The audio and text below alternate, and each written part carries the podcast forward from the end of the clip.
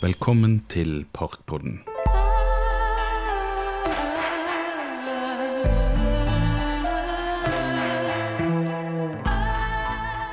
I denne episoden skal du få treffe Roald Rosenlund. Han vokste opp i gartnerboligen, praktisk talt inne i Nygårdsparken. Dette er fra et intervju med Historietorget for memoar av Bergen offentlige bibliotek.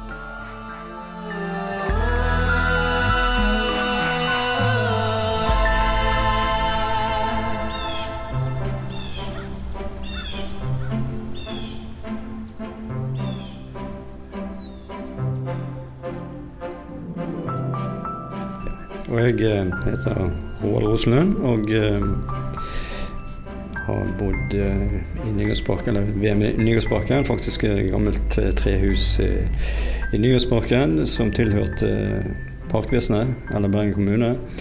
Jeg var så heldig at jeg hadde en stefar som var sjåfør i Bergen Parkvesen, som kjørte blader og løv og alt mulig rundt omkring fra de ulike stedene. Fra Byparken, Nygårdsparken, eh, ja, de stedene som de hadde. Eh, og eh, det var et veldig greit sted å bo. Og der bodde jeg jo fra eh, seint eh, 60-tall og til eh, 90-tall. Det fine med det, det var det at eh, det var jo alle slags mulige tilstelninger på alt fra sånne her eh, skirenn. Altså vi så på skiløperne Oddvar Brå, Ivar Formoe og de før der igjen. Eh, og da kom de på besøk til Bergen, og så hadde de laget en sånn skiløype. Og det var enormt med mennesker. Og da kunne jeg bare gå rett eh, rett inn. Du var inne, du. Jeg var inne i Nygårdsparken, så, så alle konserter gikk vi gratis på. Oi, oi, oi. Ja. Alt som var av tilstelninger. Mm. Så, så det, var, det var en stor fordel. Ja. Det var noen ganger jeg tok med meg kompiser gjennom. Ja. ja, at de var på besøk hos deg. Ja. Ja. Det er jo lov. ja. Det da. Det var, altså det, var alltid, det var alltid en en form for diskusjon. Sant? Mm. Ellers så måtte vi jo smite oss og det til det å klatre over gjerdet. Så det var jo Vi var flinke til det. Men når de låste gjerdene om kvelden da i parken, da var jo dere innelåst, da? Eller? Nei da, vi, vi hadde jo utgangsdør eh, til, til, Nygårds, nei, til, til Tom gate. Mm. Vi bodde i første etasje. I første etasje? Ja, ja. Mm. Hva var det som var i andre etasje? da? Der bodde en annen familie, familien Persson. eh, og de, familie som bodde der. ja, så de bodde der. De hadde, og, og, og familien Persson, så var det Det var far og mor og, og to barn. Uh, og Den ene var ett år eldre enn meg, og den andre var ett år yngre enn meg. Mm. Så det lekekamerater i huset? Ja da, vi hadde så vi, Og så hadde, vi en, hadde de en, en tante som bodde der. Uh, så litt, eh, litt artig. Mm. Men, men eh, det er klart at eh, Og hun gikk jo jeg altså Normalt sett så var jo det tantebarna som gikk og handlet for henne. Mm. Og når ikke gikk hun eller ikke gadd eller noe sånt, så, så var det meg som måtte ja. Mm. Og det var jo en, en annen sak, det at vi ikke bare lekte, men, men at vi enten måtte være løpergutter eller uh, gjøre ting for å Løpergutt. Løpegutter? Ja. Beklager, det vet jeg ikke. Og det var litt artig, for jeg var nede på Nobel Bopel, eh, og i det lokalet der så, så feiret vi 60-årsdag. Ja, eh, og der var min første jobb eh, som løpergutt.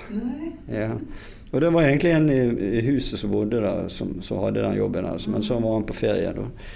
Og så var jeg inne tilfeldigvis inne og fikk eh, løpergutter var da gikk vi og, og leverte til eh, kunder som hadde ringt.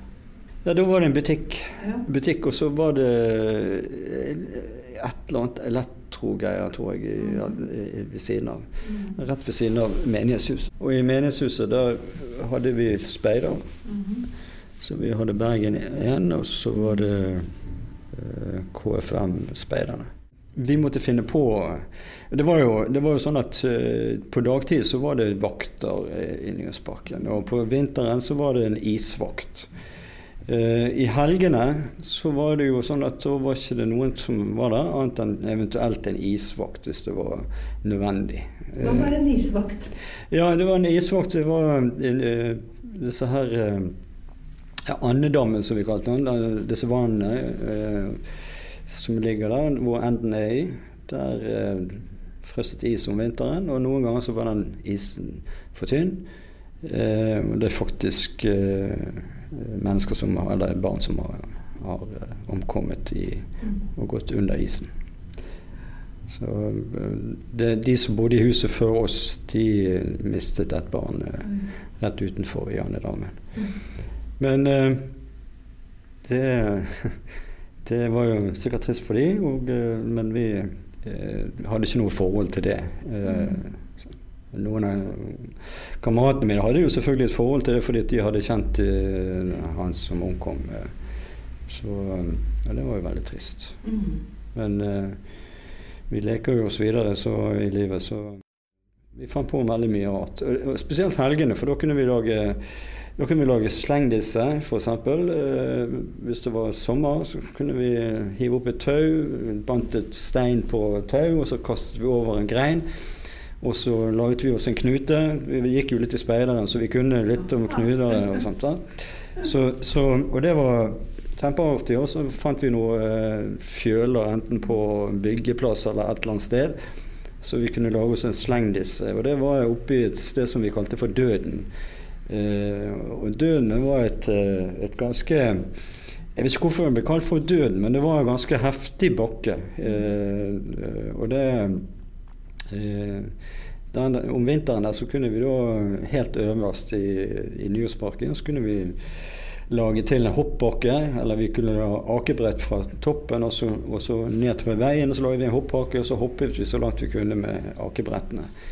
Og det ble noen blårumper på den, den tiden der. Eh, og noen var mer ivrig. Jeg var en av de som var ganske ivrig på å komme lengst mulig. Så Konkurranseinstinktet var ganske intakt, for å si det sånn. Og det Jeg fikk litt vondt, eh, en god del vondt, eh, ja. Men vi kom oss igjennom. Vi døde ikke. Så, så, vi gjorde døden til skamme på den måten. Ja. Min, min, tid der, det var uh, utrolig spennende. og du kan si at ting er forandret. I dag skal foreldre være med på alt mulig. Eh, men i Nyhetsparken så var vi på en måte alene. Så vi var alle venner eller kompiser eller hva det måtte være for noe. Så brukte vi den til å, til å gjøre våre leker. Og foreldrene var jo veldig trygge på at det var et fint sted å være, spesielt nede. Eh, oppe så var det litt grann, eh, oppe i Nygårdsparken så var det litt der som eh, Det var mye For ikke så lenge siden, eh, forskjellig klientell, så var det mye alkoholikere som var oppi der. Eh, og da når vi var oppe der, så var det egentlig bare for å samle flasker og pante og, og tjene litt penger. Når omtrent var dette som du forteller om da?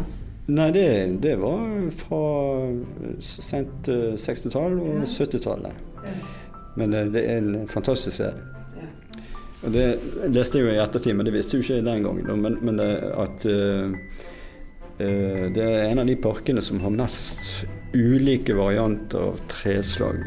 Så, så det var vel han Dr. Wisner var vel en av de, og, og en til, som, som reiste rundt i hele Europa for å skaffe til veie trær.